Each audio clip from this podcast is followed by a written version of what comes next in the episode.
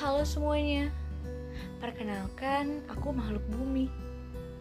Sama seperti denganmu, yang mempunyai akal dan juga perasaan. Iya, yang kadang gak sejalan itu loh.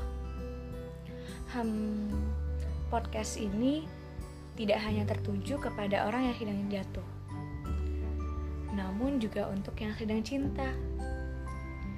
Jika kau tanya mengapa, Jawabannya simpel. Cobalah belajar dari kesalahan orang lain.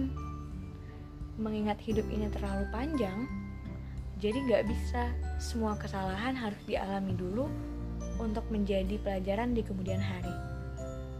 Oh iya, ada beberapa kata yang aku kutip dari buku juga loh. Semoga bahagia. Enjoy.